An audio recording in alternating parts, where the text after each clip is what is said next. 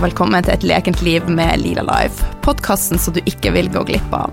Her får du de gode og hjertevarme tipsene for et lekent og balansert liv og helse. Nye tema hver uke. Hormoner, fordøyelse, matglede, sex, selvtillit, eteriske oljer, stress, stressmestring osv. Ja, hva prater vi egentlig ikke om? Noen ganger så har jeg med meg spennende gjester, og av og til så er det meg. Og hvem er jeg? Jeg er Oline, er næringsterapeut, yogalærer, veileder i eteriske oljer, mamma, livsnyter og har ei brennende interesse for ei naturlig helse. Jeg har vært alvorlig syk i mange år, og nå er jeg 43 år og faktisk mer vital enn noen gang. Livet, det leker lite grann. Mitt mål med denne podkasten er å vise at det er mulig å gjøre en stor forskjell med små endringer, brikke etter brikke, steg for steg. Sharing is caring, og jeg blir så glad om akkurat du tar deg tid til å legge igjen en kommentar på iTunes. Det betyr at budskapet når flere, og gjerne tips en venn, naboen, en partner. Ja, du får lov å tipse faktisk hvem du vil. Et stort smil og en smask ifra hun Line Lila Life. Hjertelig velkommen til en ny episode av Et lekent liv med Lila Life. I dag så har jeg fått besøk av ei utrolig driftig dame. Hun har vært ønskegjest av flere av dere som hører på podkasten. Seidi er gründer av hypopressiv trening i Norge og har de siste årene innført denne treningsformen til det kalde nord.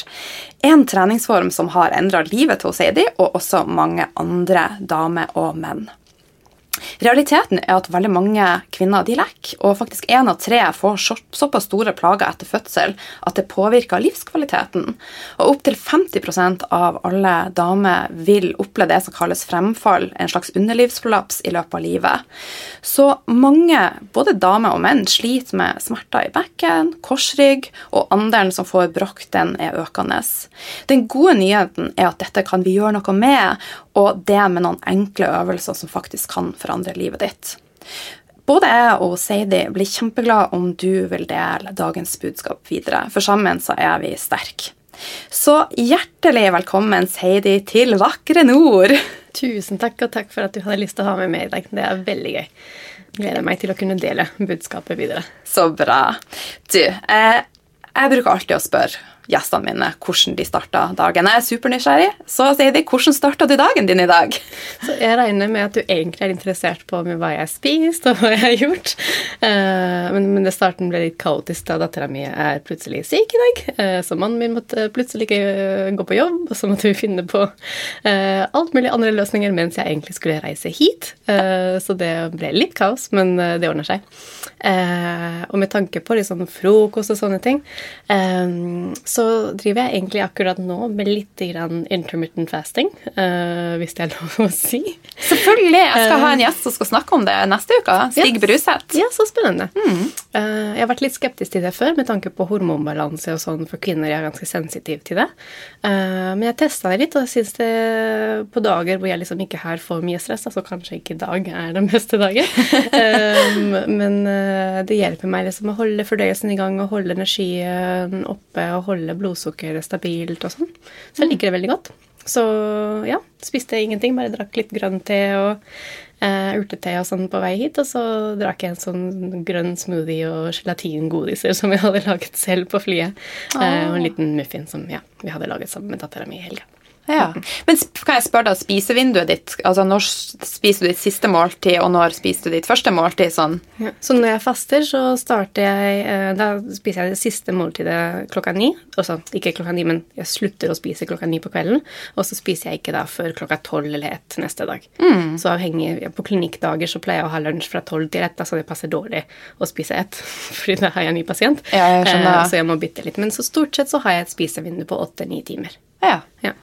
Og det er jo veldig mange som har god effekt, og jeg har også hatt med meg lege Nina Willumsen. Hun bruker også samme metode. Så det er et spennende tema, så takk for at du delte det.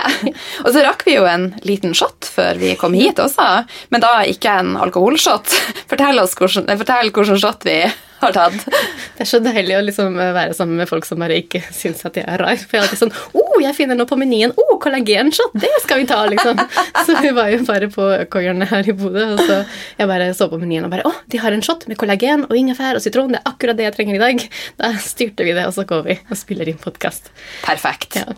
ja. Og så har du noe annet på sida der. Hva det er du drikker for noe? Uh, gullmelk. Uh, kjente jeg med litt søtning, men jeg tror de bruker sånn kokosblomstsukker eller noe sånt, med, uh, laget på havremelk. Ja. Så med ingefær og sitron og uh, gurkemeie. Deilig. Mm. Så det trenger vi. Ja. Du, um, Seidi, du er ikke fra Norge. Det, du, har en sånn, du prater ufattelig godt norsk, men jeg kan høre en sånn litt eksotisk aksent baki der. Uh, og lytterne har lyst til å bli bedre kjent med deg, så fortell oss litt om deg sjøl, og hvordan du havna her i mørke, kalde nord. uh, ja, eksotisk. Jeg vet ikke om jeg ville sagt det, men uh, jeg har en liten aksent, kanskje. Uh, nei, jeg vokste opp i Spania, men foreldrene mine er fra USA.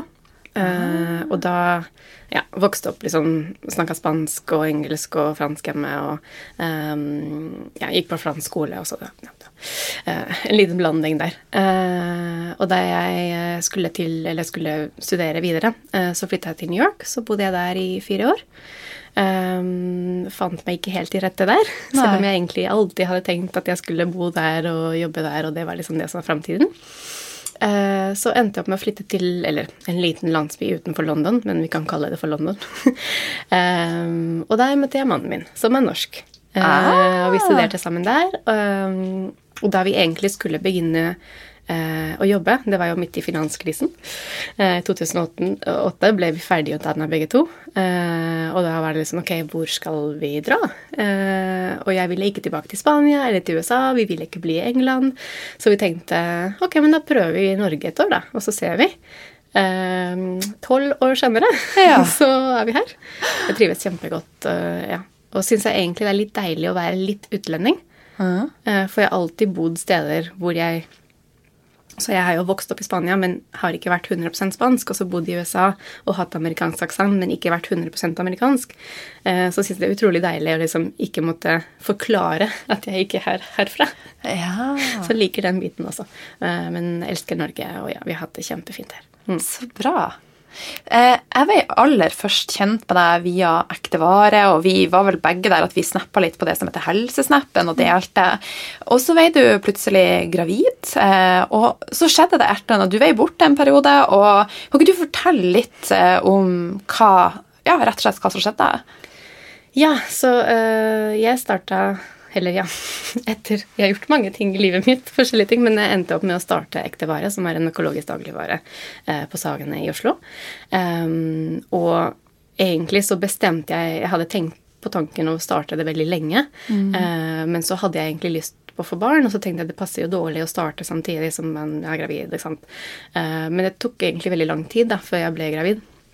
Jeg hadde en del hormonproblemer og sånn. Men så selvfølgelig, det øyeblikket jeg bestemte at ok, nå bare kjører vi på, nå starter jeg butikken, eh, så ble jeg gravid. Bombe! ja. Eh, så da, men da var jeg i gang, ikke sant? Så da tenkte vi bare ok, men da kjører vi bare på. Um, og det ble sånn at idet vi åpna butikken, så var jeg jo åtte måneder på vei.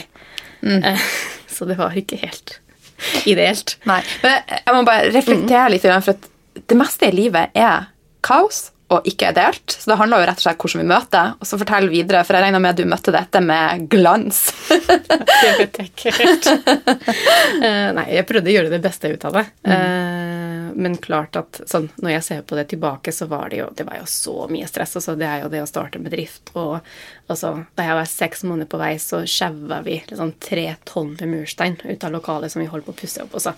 Det var bare så mye. Uh, men det var nå en drøm, og uh, vi hadde veldig lyst til å realisere det. så jeg var jo veldig eh, for det, og så pusha vi bare gjennom, på en måte. Um, men da jeg, vi åpna, så skjønte jeg liksom nå må jeg bare trekke meg litt tilbake. For jeg var veldig sliten og kjente liksom jeg begynte å få kinnere og var litt sånn stressa. Og, så måtte bare roe ned. Uh, men jeg var ikke helt ferdig med det jeg egentlig skulle gjøre i butikken. ikke sant? For det var jo egentlig den første babyen min. Um, men så, ja, fødte på termin. Uh, eller et par dager før termin. Uh, og hadde naturlig fødsel på ABC, eh, men hadde ikke egentlig sånn jeg er jo litt sånn som eh, Eller sånn som deg, jeg kjenner meg igjen i veldig mye. ikke sant, At jeg, jeg, liker egentlig å gå inn i dybden i helseting og liker å på en måte utforske og finne ut av ting og sånn. Eh, og det hadde jeg ikke hatt tid til gjennom svangerskapet, eh, fordi jeg hadde bare vært så fokusert på butikken da, og starte det. Eh, så det vet jeg nå, da, men det visste jeg jo ikke da. Eh, så jeg lot meg på en måte guide av de som var rundt meg, og hadde egentlig en ganske grei og naturlig fødsel, vil jeg si. Um, men fikk veldig heftig underlivsprolaps i etterkant. Uh, hadde kroniske bekkensmerter og sa at jeg hadde så vondt at jeg liksom ikke skjønte på en måte uh, Kan det være sånn etter en fødsel? Um, men jeg hadde jo aldri født før. Så jeg tenkte at ok, men kanskje det er bare sånn man har det. liksom. Man vet jo ikke. ikke sant? Det er jo første gang, og alt er overveldende, og spruter melk, og man er litt sånn Man, så, man sover jo ingenting, ikke sant? så alt er bare sånn Og jeg er så hormonell. og Så alt, Det var ikke sånn at jeg klarte å tenke meg gjennom uh, hva er det som er gærent nå, jeg må få hjelp. Og så det tok litt sånn tid, da. Uh, og alle de som undersøkte meg, bare 'Ja, det her ser normalt ut, og det blir bedre når du slutter å amme.' Og jeg bare 'Ja, men jeg har jo tenkt å amme i to år, da. Jeg kan ikke gå og ha det sånn i to år.' Um, så det tok veldig lang tid, da. Uh, før, jeg, uh, før, jeg, ble tatt på alvor, rett og slett. Jeg måtte liksom mase, mase, mase at det her føles ikke riktig ut. Mm. Uh, jeg hadde konstant nedpress, jeg klarte ikke å tømme blæra, jeg klarte ikke å tømme endetarmen. Altså, jeg kunne ikke stå og holde dattera mi som altså, bare veide tre kilo. Jeg kunne ikke stå og holde henne med fem minutter, for da kjente jeg liksom hele kroppen bare kom til å dette fra hverandre. Og var det skikkelig smertefullt? Det var vondt i ryggen. og så Jeg bare følte meg så ustabil, så jeg liksom følte at det bare datt sammen. Jeg måtte bare legge meg ned. Det var så mye trykk og press overalt. Uh, men alle bare sa at det her går seg til, liksom. Uh, det gjorde det ikke. Det ble bare verre. Uh, og oppi den tiden så hadde jeg egentlig sett for meg at jeg skulle gå tilbake på jobb. ikke sant? Sånn seks måneder etter fødsel. Det hadde jeg sett for meg, i hvert fall. i det, altså, Ikke fullt, da, men i hvert fall litt og litt. Fordi butikken trengte meg også. Mm. Så det var en helt fortvilende tid, egentlig. Fordi jeg, ja, jeg kjenner jo bare damer som løper maraton sånn tre uker etter fødsel. Så for meg så var det bare utenkelig at man kunne bli skada uh, i den grad. Så det er også derfor jeg liksom Det tok veldig lang tid før jeg skjønte at her må jeg gjøre noe. Sånn Jeg får ikke god nok hjelp. Mm. Men det tok jo liksom uh, Ja, alle legene Ja, det her går seg til. Jeg ble henvist til opptrening. Det hjalp ingenting. Jeg ble egentlig verre av det. Um, så alle bare sa liksom Ja, sånn er det nå, på en måte. Det er ikke noe mer du kan gjøre. Nå har du prøvd alt. Hvis du vil bli bedre, så må du bli ferdig med å få barn og få operasjon. Uh, og sånn gikk det noen dagene. det viser bare hvor sta og besluttsom man må være faktisk for å få hjelp. Det er jo ikke alle som, som klarer det, og det tenker jeg er så trist. Derfor må dette Det er så bra du deler. Det er jo fantastisk. Mm. Men det er så viktig. Fordi Ja, så, så gikk det sånn egentlig. Så tenkte jeg Det hadde gått ett år, da. Eh, og det ble egentlig bare verre og verre. Eh, og til slutt så tenkte jeg men nå må jeg bli sykemeldt, for jeg kan jo ikke gå tilbake på jobb. Eh, jeg hadde aldri blitt sykemeldt før, så jeg bare ok, hvordan gjør jeg dette? liksom? Jeg må gå til fastlegen. ok.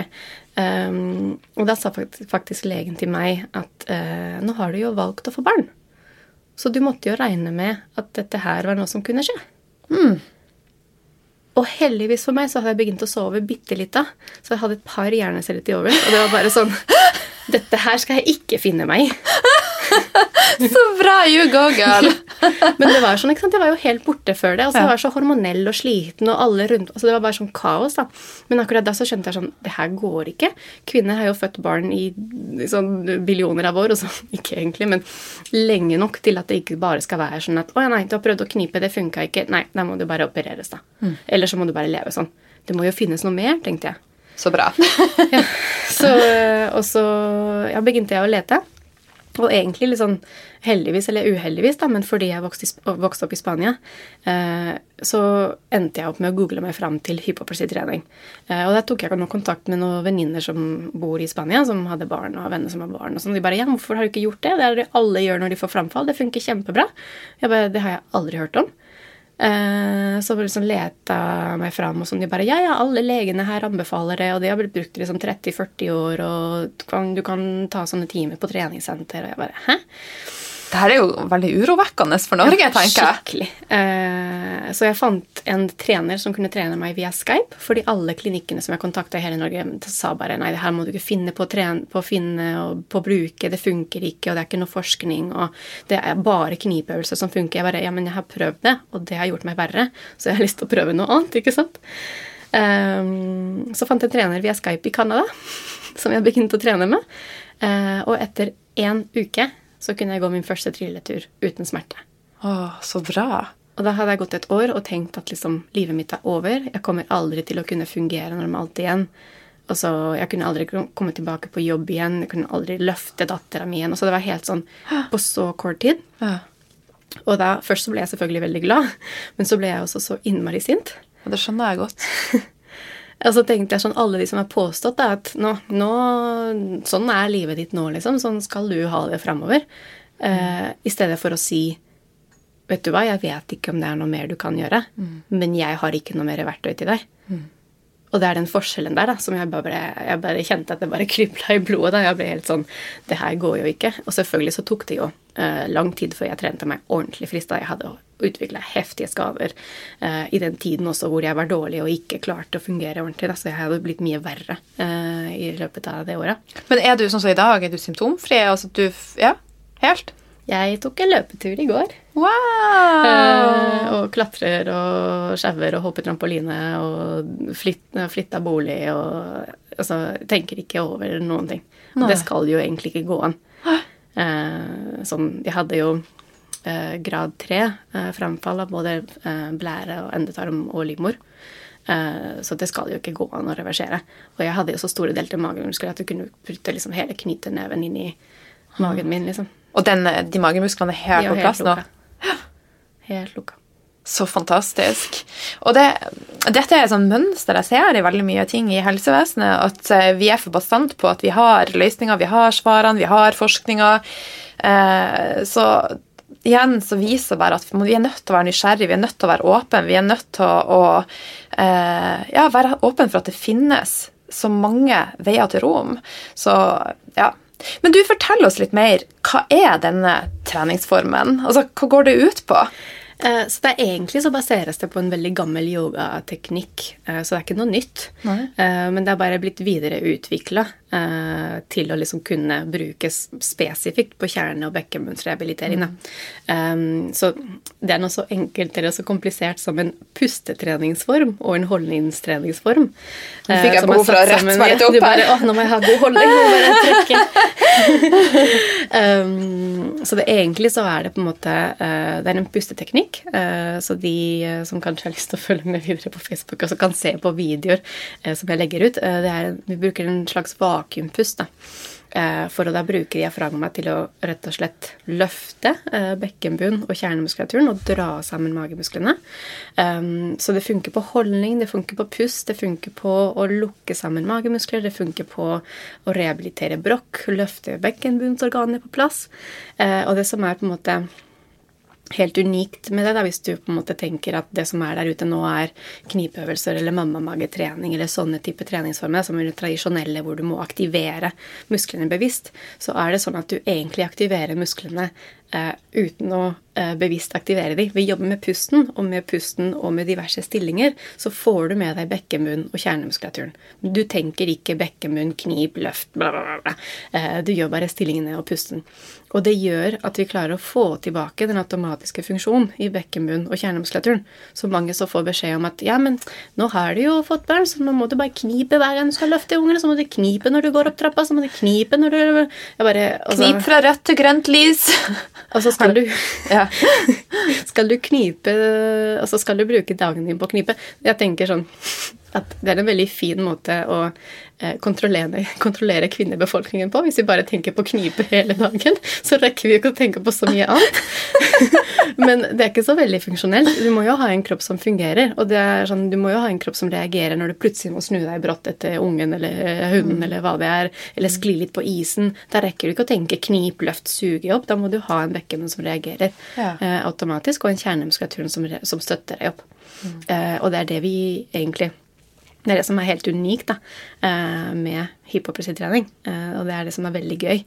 Eh, og også det at du trener uten å måtte finne musklene. For så mange vet jo ikke om de trener riktig. Om de, og får jeg tak i bekkenbunnen nå, eller jeg kjenner ikke så mye. Også etter keisersnitt så kan man miste litt kontakten med muskulaturen, så det er vanskelig f.eks. å få tak i.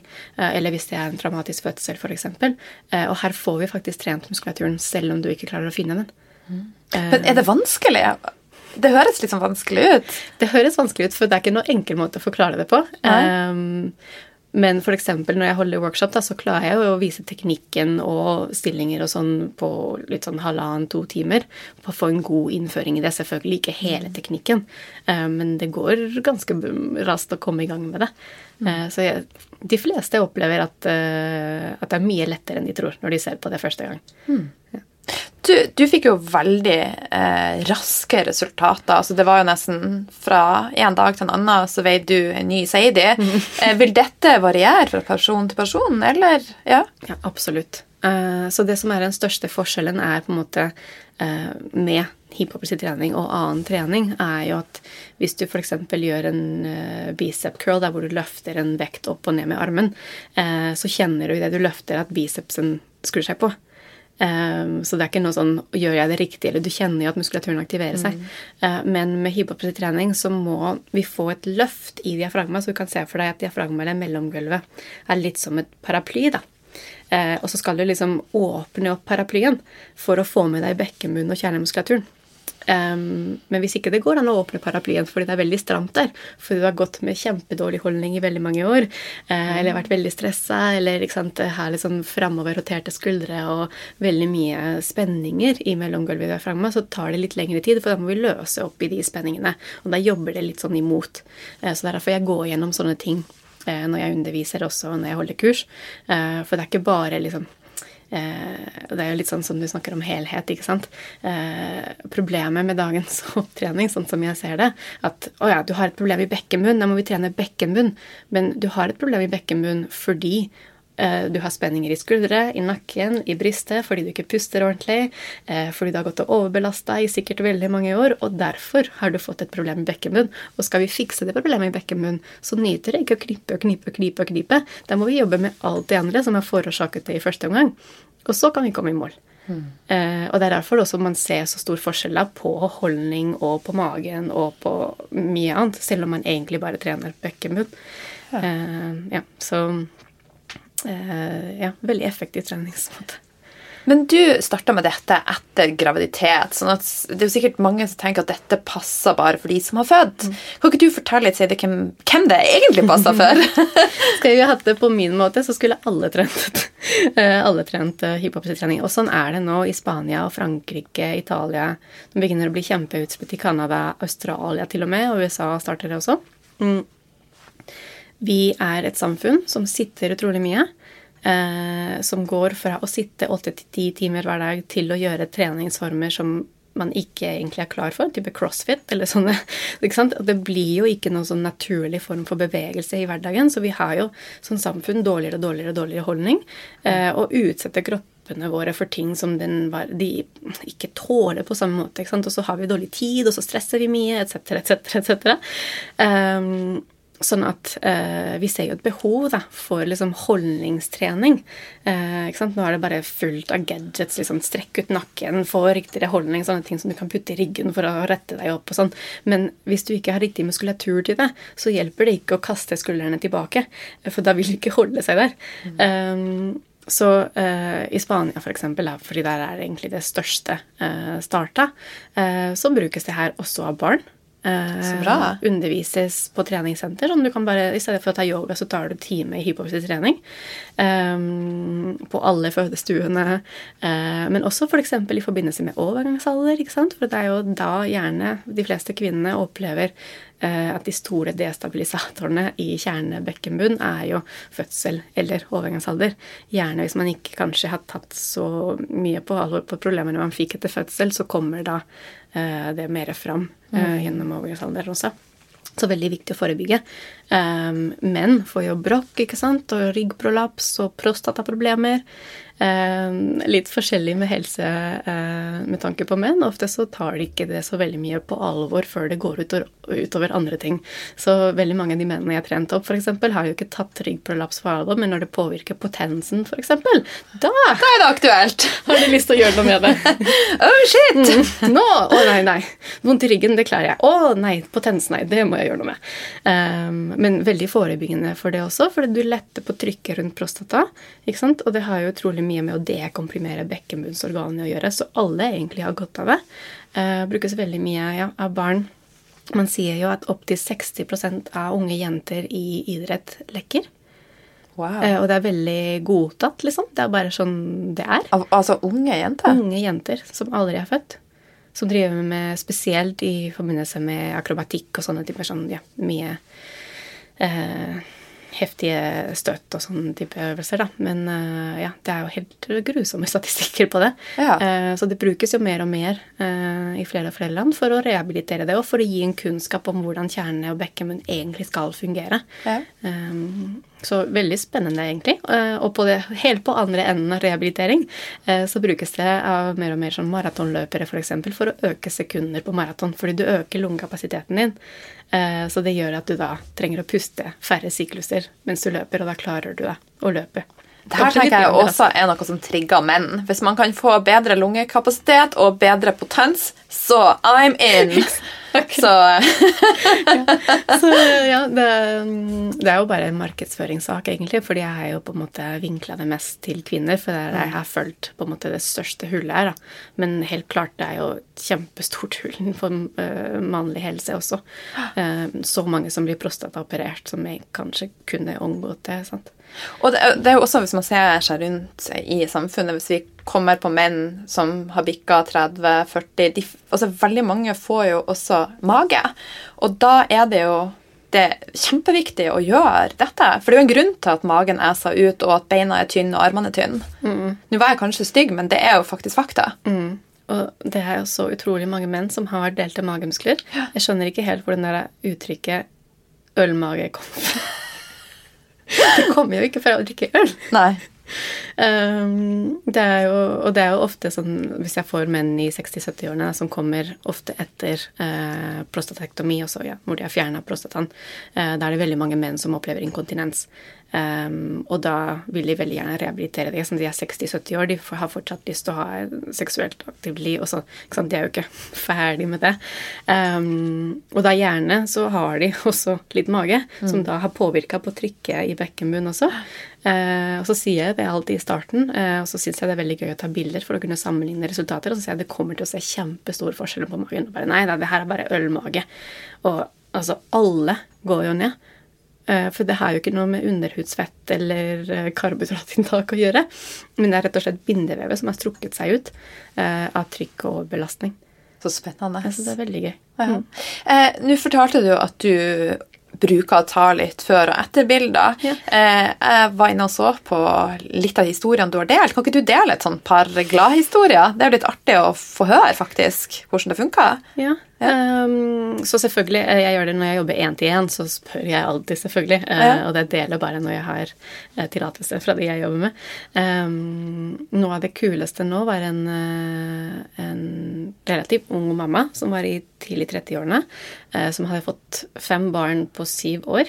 Wow. To, også, to tvillinger, da. Herregud. Ja. og siste, de siste var tvillingene. og da hadde hun så stor mage i hverdagen, også fra det hun sto opp, Eh, sånn at hun så ut som var nivåene på vei. Sånn da hun sto opp om morgenen. Eh, så hun var liksom, ville ikke gå ut av huset fordi folk spurte henne å, er du gravid igjen. ikke sant?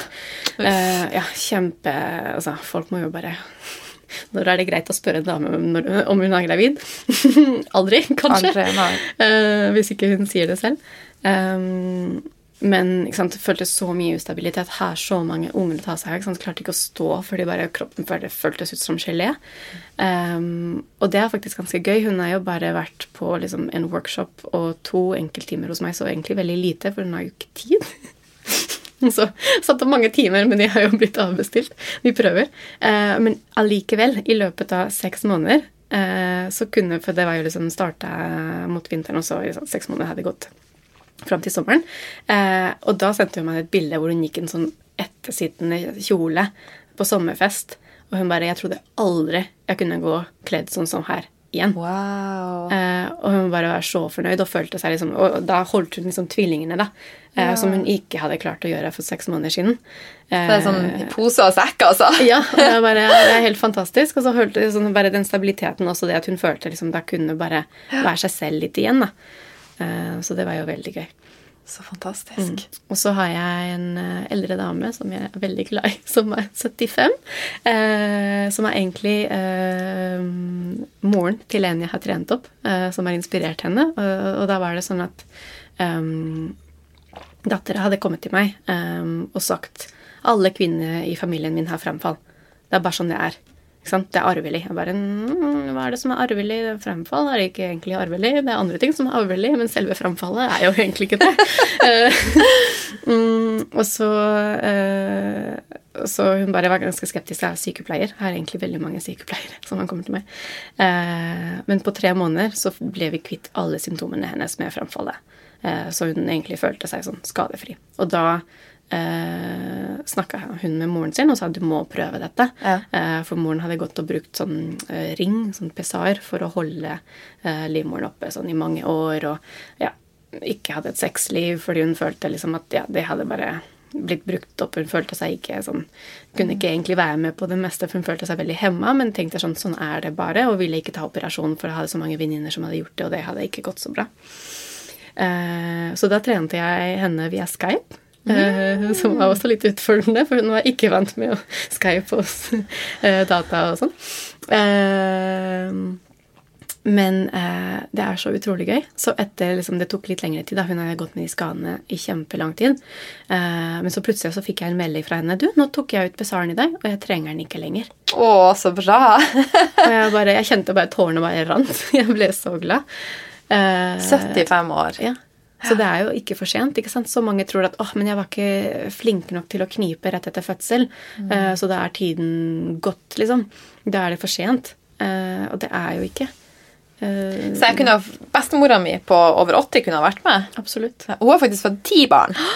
Mm. Så det er liksom, i dag ser vi litt sånn, vi sier liksom wow når noen har født tre av fire av fem. Hvis vi går noen år tilbake, så var det jo vanlig med mange barn, altså. Ja, Ja, det er helt øh, utrolig. ja, ja det er en eh, prestasjon, spør du meg. Ikke bare det, men å passe på alle ungene også. Ja, ja, ja. Herregud. Mm. Ja. Men eh, når man først setter i gang med denne treningsformen, hypopressiv trening, er det noe man da må gjøre over tid, eller kan man ta et kurs og få resultater og aldri gjøre det igjen, eller anbef hva anbefaler du? uh, Så jeg liker å si liksom, de slutter ikke å pusse tennene fordi de blir rene i en dag. Nei. um, litt sånn som det er med helse også, ikke sant? Man slutter ikke å puste heller. Nei, ikke sant? Ja. um, eller hvis du på en måte trener vanlig, tradisjonell trening, Ja. uh, så slutter du ikke å, å trene når du er fornøyd med styrken du har, men du må vedlikeholde.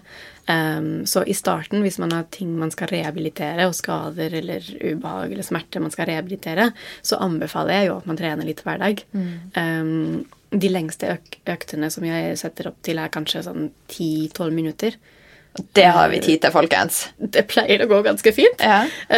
Um, mange gjør det kanskje når de står opp, eller så gjør de det sånn før de spiser middag eller etter ungene har lagt seg, avhengig av om du er i småbarnstidsklemme uh, fortsatt.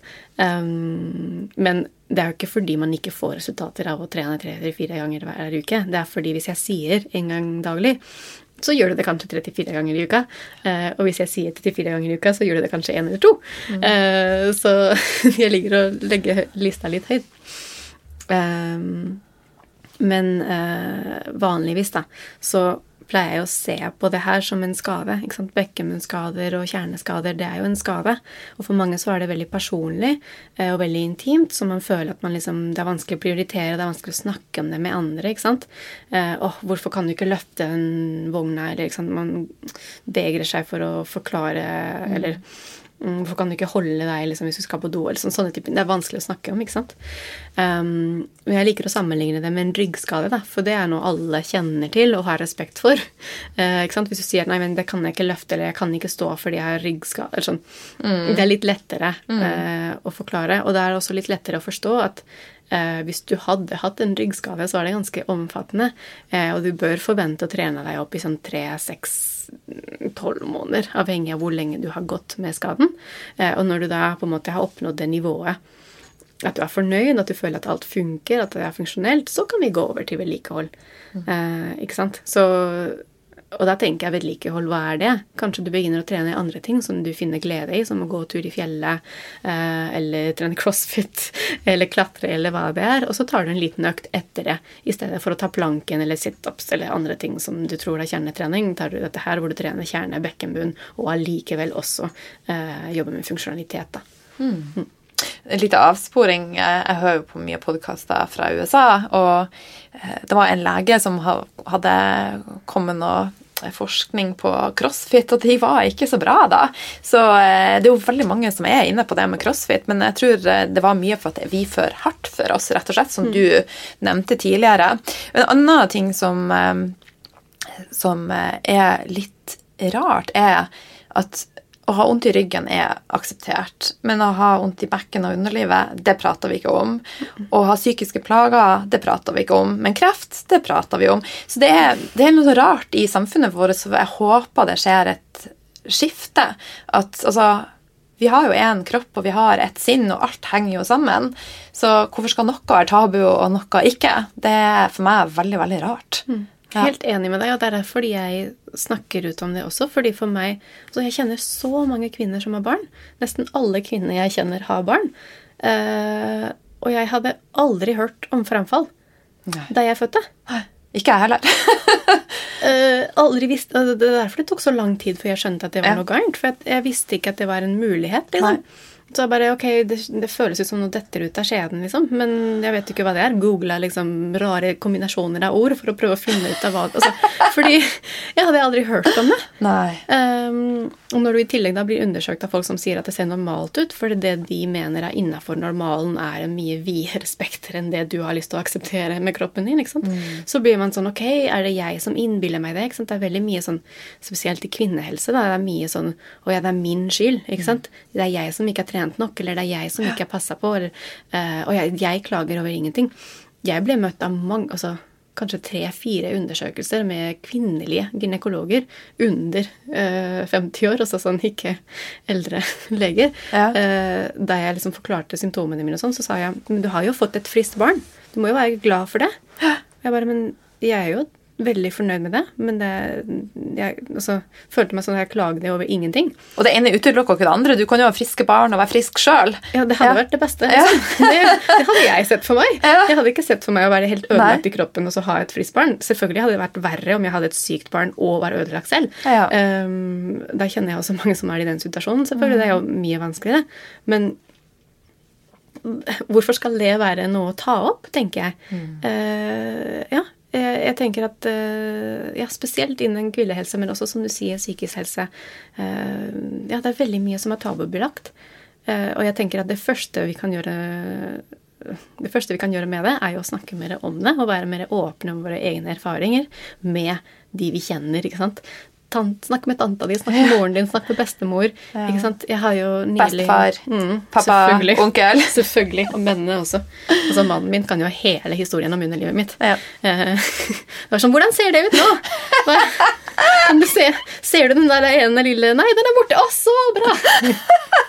Altså, de beste gynekologiske undersøkelsene jeg har fått, har vært av mannen min. Der får jeg i hvert fall forståelse. Liksom. De andre er bare sånn Ja, nå er du ferdig. Gå bort. Um, så uh, jeg tror det er utrolig viktig. Og når, jeg, når, vi nevner det, så tenker jeg bare på en historie. Jeg hadde en dame innom meg uh, denne uken uh, som hadde også opplevd liksom, mye bedring i forbindelse med framfall og sånn. Og så var mammaen hennes på besøk, mm. og da passa mammaen barnet mens hun kom til meg. Så da forklarte hun til mammaen sin hvorfor hun skulle til meg, for å trene opp etter framfall etter fødsel og sånn. Og da kom det fram at moren hadde fått kjempeheftig framfall etter fødsel og hadde levd med det i 35 år mm. uten å snakke om det. Åh. Og ikke fått noe behandling eller noe oppfølging, bor et sånt langt øde sted ute i Lofoten og ikke fått liksom noe tilbud eller noen ting. Og da liksom kunne forklare det for dattera si. Hadde aldri nevnt det for dattera si. Alltid liksom og så prøvde å fungere normalt, men hadde masse smerter og ubehag og problemer og kunne ikke bli med på ting fordi alt Og Og, så, og det øyeblikket, da, for dem også, å kunne liksom snakke sammen om det, og få moren å skjønne at å, dattera mi har fått det sammen, men hun kan få hjelp. Mm. Og dattera å skjønne at ja, men nå snakker jeg om det, så nå kan også mamma få hjelp. Altså hun skal jo til meg snart. Ja. Um, men jeg tenker at det er så viktig at vi er ærlige på hva mm. vi går gjennom. Det er ikke noe vits å holde eh, ting for seg selv. Det er jo ingen tjent med.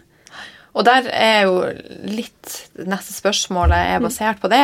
For at veldig mange i dagens samfunn går jo og holder smerter inni seg. Vi snakker ikke om det. Og til slutt så roper kroppen til oss. Og da er det noen som tar grep, og så er det noen som fortsetter å bare leve med det og tenke at det finnes ikke noen løsning. Denne den her, altså hypopressivtrening, vil den også være fin i et forebyggende øyemed? Vil den det? Mm, så det beste jeg vet, er jo når folk kommer Jeg har jo en jente som kom til meg som er 25 år, som er idrettsutøver, som bare 'Jeg har lyst til å forberede kropp til graviditet.' Og jeg bare 'Yes!' Så bra! da blir jeg så glad. Um, for jeg tenker det beste vi kan gjøre, er å forberede uh, kroppen. Ikke bare graviditet og fødsel, men jeg tenker spesielt i de fleste kvinners sitt liv, da, så er jo graviditet og fødsel altså den største påkjenningen Uh, kroppen din skal gjennom, med mindre du blir truffet av en bil. da. Altså Det er jo så heftig. Mm. Du går jo opp, og muskler og vev og skjelett flyttes ut av stillinger i løpet av så kort tid. Og så skal alt liksom magisk trekke seg tilbake mens du da lager mat til et annet menneske og ikke får sove om natta og ikke får i deg liksom mer enn sånne halv brødskive mens du står foran kjøleskapet og leker melk. Altså, det går jo ikke. Uh, og de forventningene vi har. Uh, og nå i tillegg så skal du se kjempeflott ut og kunne liksom løpe maraton to dager altså, Det bare Det går ikke. Um, så mer og mer så tenker jeg at vi må tenke mer og mer forebyggende. Og det er flere og flere som får også øynene opp for det. At hvis jeg kan holde meg frisk, da Vi lever jo også lengre. ikke sant? Så øh, nå tenker jeg jeg vil jo ha en bekkemunn som fungerer når jeg er 90. Jeg gidder jo ikke å gå i bleie, liksom. Mm. Uh, men det er jo så mange som må. For de får jo bare inkontinens i 80-90-årene. Men det er veldig mye av det som også kan forebygges og rehabiliteres. Uh, jeg viste også bestefaren min litt øvelser, så han har begynt å gå i bleie. Eh, på, han går jo ikke, han bor i USA. Så han bor på sånn uh, superfancy sånn hotellsykehjem. Altså det er ikke sånn, det er jo sånn amerikansk uh, sykehjem med sånn restauranter. Ja, det er sånn, wow. ja, det er noe helt annet. Det er privat, ja. USA ja. det er et annet sted. helt annen verden. Ja. Uh, men da var jeg sånn Ok, har du lyst til å liksom For han er jo 98, da. Men han, jo, han løper jo maraton til han er 85. Og så han er jo ganske sterk også da. Eh, så, eh, så, viste jeg han litt øvelser da, og da sa han at jeg hadde hjulpet ham bare å gjøre pusteteknikken litt. At jeg følte at han hadde litt mer kontroll. Mm. Så det er jo, og det er jo så gøy. Jeg bare Ok, nå har du gjort det her liksom to uker, og så kjenner du at det hjelper. Så jeg tenker at jeg vil, jo, jeg vil jo ha en kropp som fungerer også når jeg er gammel. Jeg vil jo gjerne ha sex når jeg er 80. Jeg gidder ikke å tenke at det er ferdig liksom bare fordi jeg er eldre. Så det er jo viktig at vi tenker på det liksom livet ut, da. Mm. Hvis vi også skal leve lenger og lenger. Mange er jo der at jeg lever her og nå, og det er jo mm. nå som er viktig. Men det er så viktig det du sier. Nå sa jeg viktig to ganger. ja, at vi også altså vi klarer å sjonglere to baller. Ja. ja. det er kjempeviktig. Det er jo viktig å være i, i, i noe, sånn at man på en måte nyter nyter øyeblikket. Eh, men man trenger ikke å nyte øyeblikket med sukker og øh, dårlig trening og dårlig holdning og øh, lite søvn, liksom. Man kan jo prøve Andre ting, ja. å nyte livet med å ta vare på seg selv. Ja. ja. Mm, kjempe, kjempeviktig. Eh, hva er det som driver deg, og hva motiverer deg til å jobbe nå fulltid med dette? For det er jo vidt jobben din. Ja, eh, mer enn fulltid. Jeg, eh, jeg, jobber veldig mye, så jeg må være veldig motivert. Velkommen i eh, klubben! Ja, takk. Ja, og da må vi passe ekstra godt på oss selv, ikke sant? for jeg jobber jo nesten døgnet rundt og har et lite barn hjemme og har en mann som jeg gjerne vil se også innimellom, som også jobber utrolig mye. Som, ja, butikken drives videre. Han har jo tatt over den driften, ikke sant? så vi driver jo hvert vårt, og ja, så det er ikke nok timer i døgnet, som du sikkert skjønner selv. um, så uh, motivasjonen for meg meg, er jo egentlig sånn heldigvis um, Det var jo veldig mye sinne i starten. For det var jo litt den følelsen av at hva skjer med alle de andre? Mm. Uh, og slutten på den historien var jo at da jeg liksom endelig ble bedre, da, så, så, kunne jeg egentlig gå tilbake på jobb. Men da var det sånn Hva har jeg i butikken å gjøre? Nå må jeg gjøre noe med det her. Og kvinnehelse. Uh, og, uh, og opptrening etter fødsel og informasjon rundt dette, da.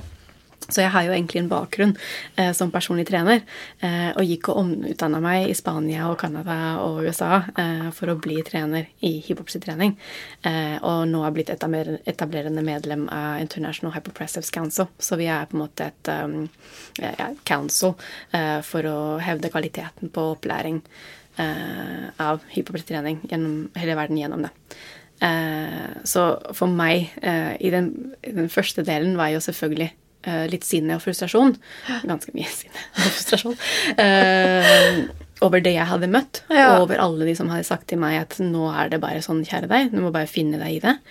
Uh, og den tiden som jeg hadde tapt, egentlig. For det er egentlig det som var verst, er jo at hele det første året hvor jeg liksom skulle uh, vært ny mamma og vært nyforelska og uh, alle disse tingene. Sikkert ikke så mye av det heller, da, fordi dattera mi sov jo ikke før hun ble to år, men, men Får vi ta en annen podkast? Men, uh, men, at uh, Så jeg hadde gått glipp av det, da. For jeg hadde så mye smerter, og så det handla bare om å overleve dagen. Jeg klarte ikke å nyte den tiden, for jeg bare visste ikke om det fantes en løsning. da. For jeg følte ikke at jeg ble ivaretatt i det hele tatt. Den, den, ene tingen er om du føler at ok, det har skjedd noe, men jeg er på vei til å bli bedre, eller nå gjør jeg ting som hjelper. Men den følelsen av at jeg har det helt grusomt, det er ingen som mener at det her er noe å gjøre med, mm. eh, og så er det egentlig ikke noe å gjøre. Da blir man så håpløs, da. For det er bare å vente og se om det blir bedre. Um, så det motiverer meg egentlig, og det å spre så god informasjon som mulig. Fordi hvis alle hvis alle vet hvordan kjernen din og bekkenbunnen skal fungere, hvis du vet hvordan kroppen skal kjennes ut under belastning, hvis du vet hva som skal skje når du hoster, når du nyser, når du løper, når du løfter, hvis du vet hvordan kroppen din kommer til å endre seg under en graviditet og en fødsel, hvis du vet hvordan du skal bygge opp, eh, så er du så trygg, og da kan du ta valg som gjør at du får det beste ut av det. Så hvis du er på trening og du kjenner at mm, det føltes ikke helt riktig ut i kjernen og bekkenmunnen, da kan du velge bort den aktiveringen. ikke sant? Mm. I stedet for at noen står og pusher på deg. 'Løft mer!'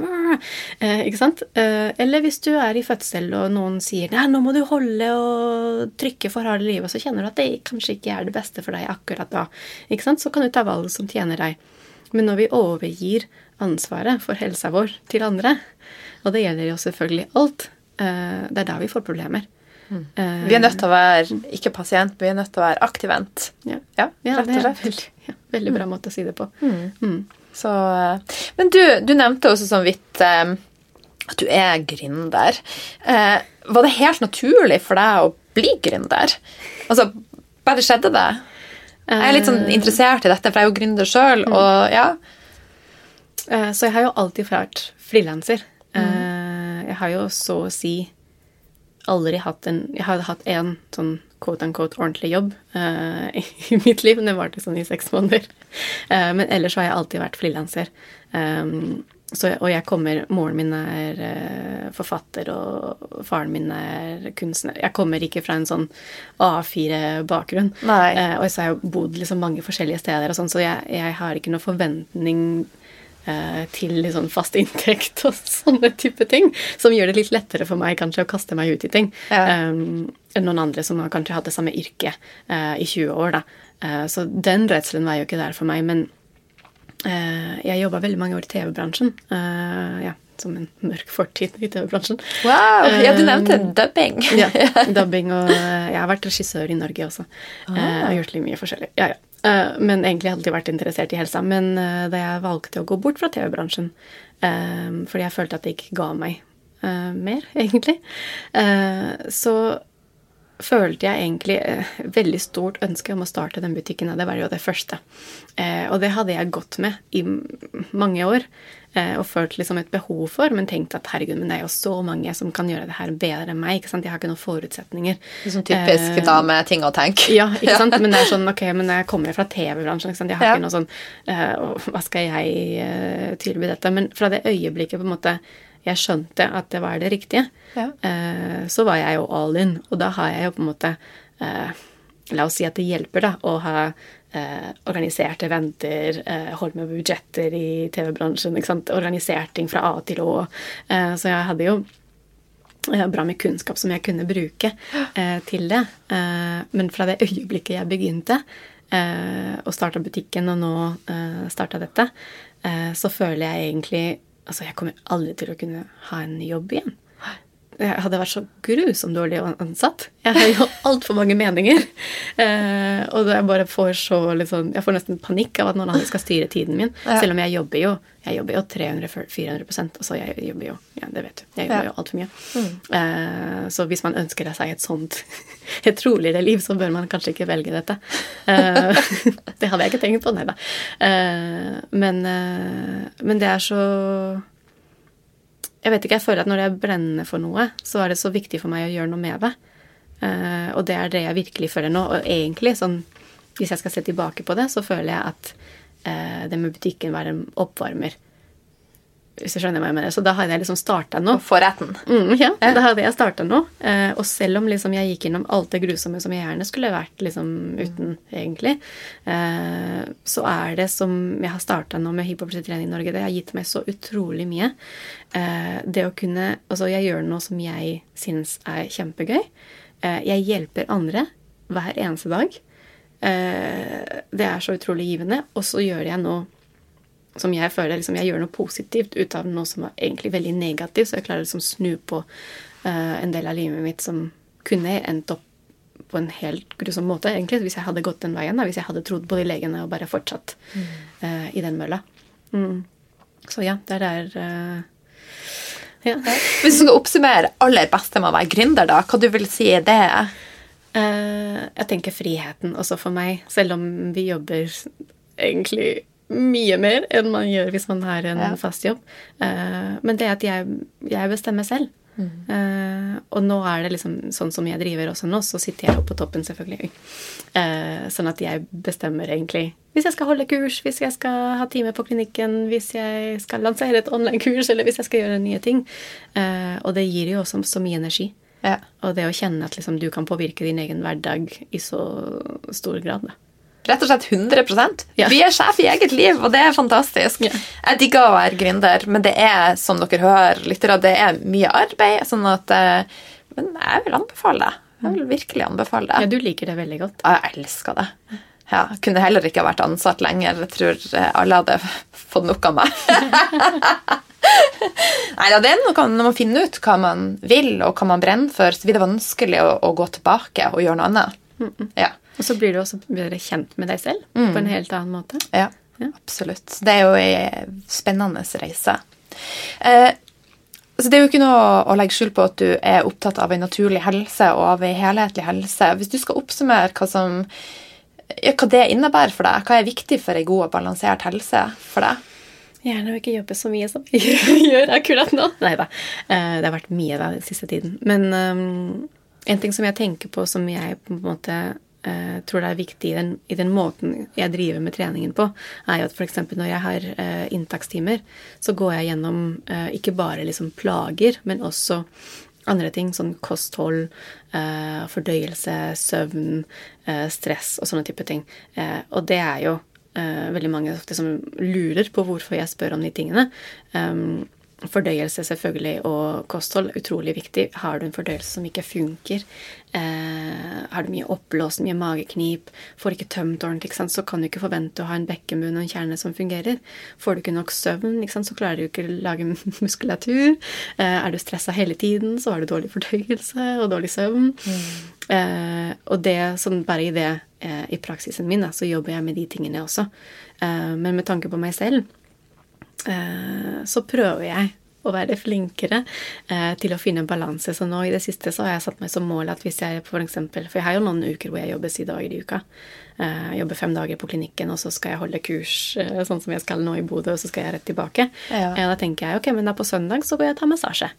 Eh, Så og så etter at vi legger dattera vår, så har vi date hjemme og bestiller noe mat og prøver å liksom bare skru av alle telefonene og alle dataene og alle varslene eh, og bare være eh, hjemme. Og prøve å liksom skape de der eh, rommene, sånn at du også har mer energi eh, å gi videre. For det har jeg kjent på også, at eh, det er jo Jeg gir også veldig mye av meg selv. Eh, det er jo veldig personlig arbeid. Det er noen som kommer med helt grusomme historier. Så det er veldig eh, Det kan være veldig tungt, da. eh, Å jobbe på den måten. Og trenger jeg også påfyll for å kunne gi tilbake. Eh, Så det har egentlig gjort at jeg må ta litt bedre vare på meg selv. Eh, Så det prøver jeg å være flinkere på. Så nå på mandag så skal jeg gå eh, og ta kryoterapi. Det vet jeg ikke hva er. What?! Det må du prøve! Krioterapi? Um, mm -hmm. Så alt det her med sånn biohacking, Ja. eh, som tar litt av i USA og alt det her, Ja.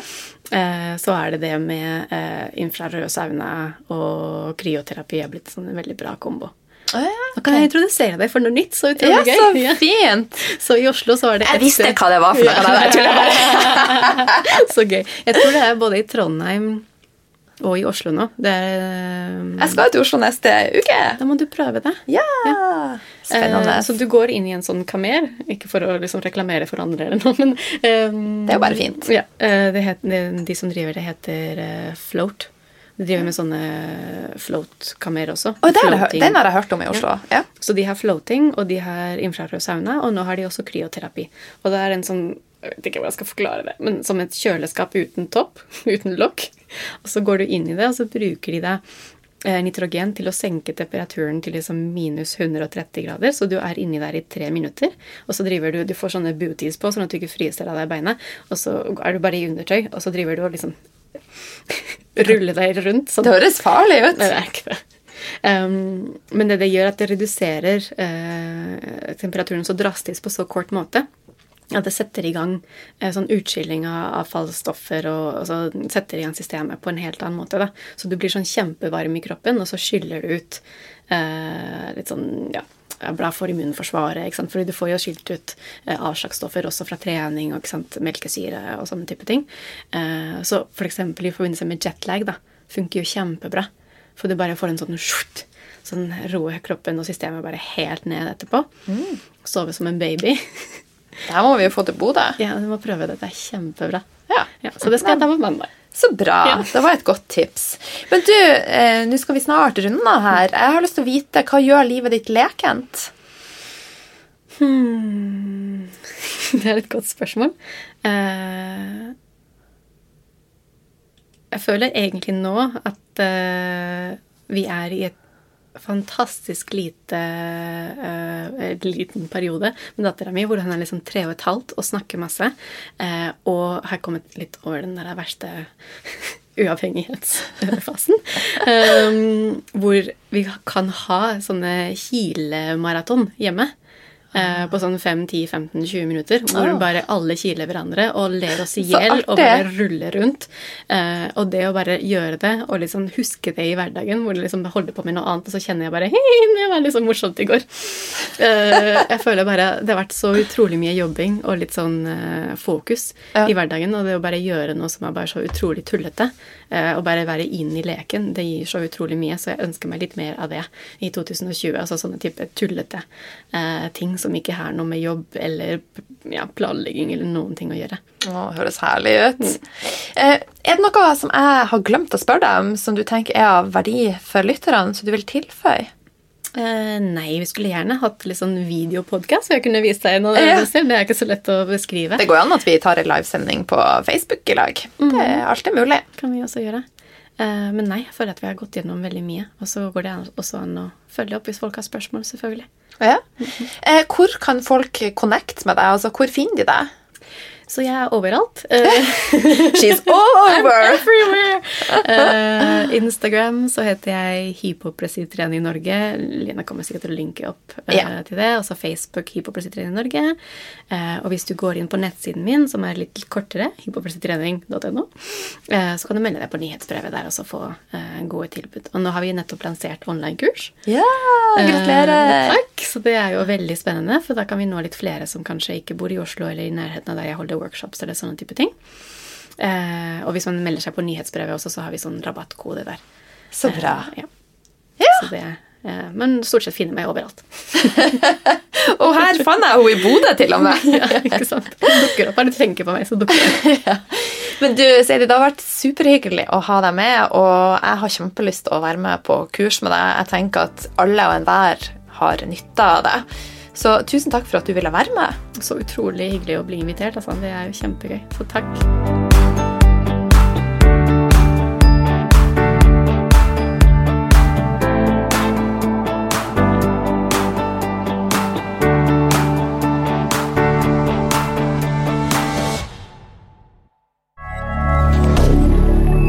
media.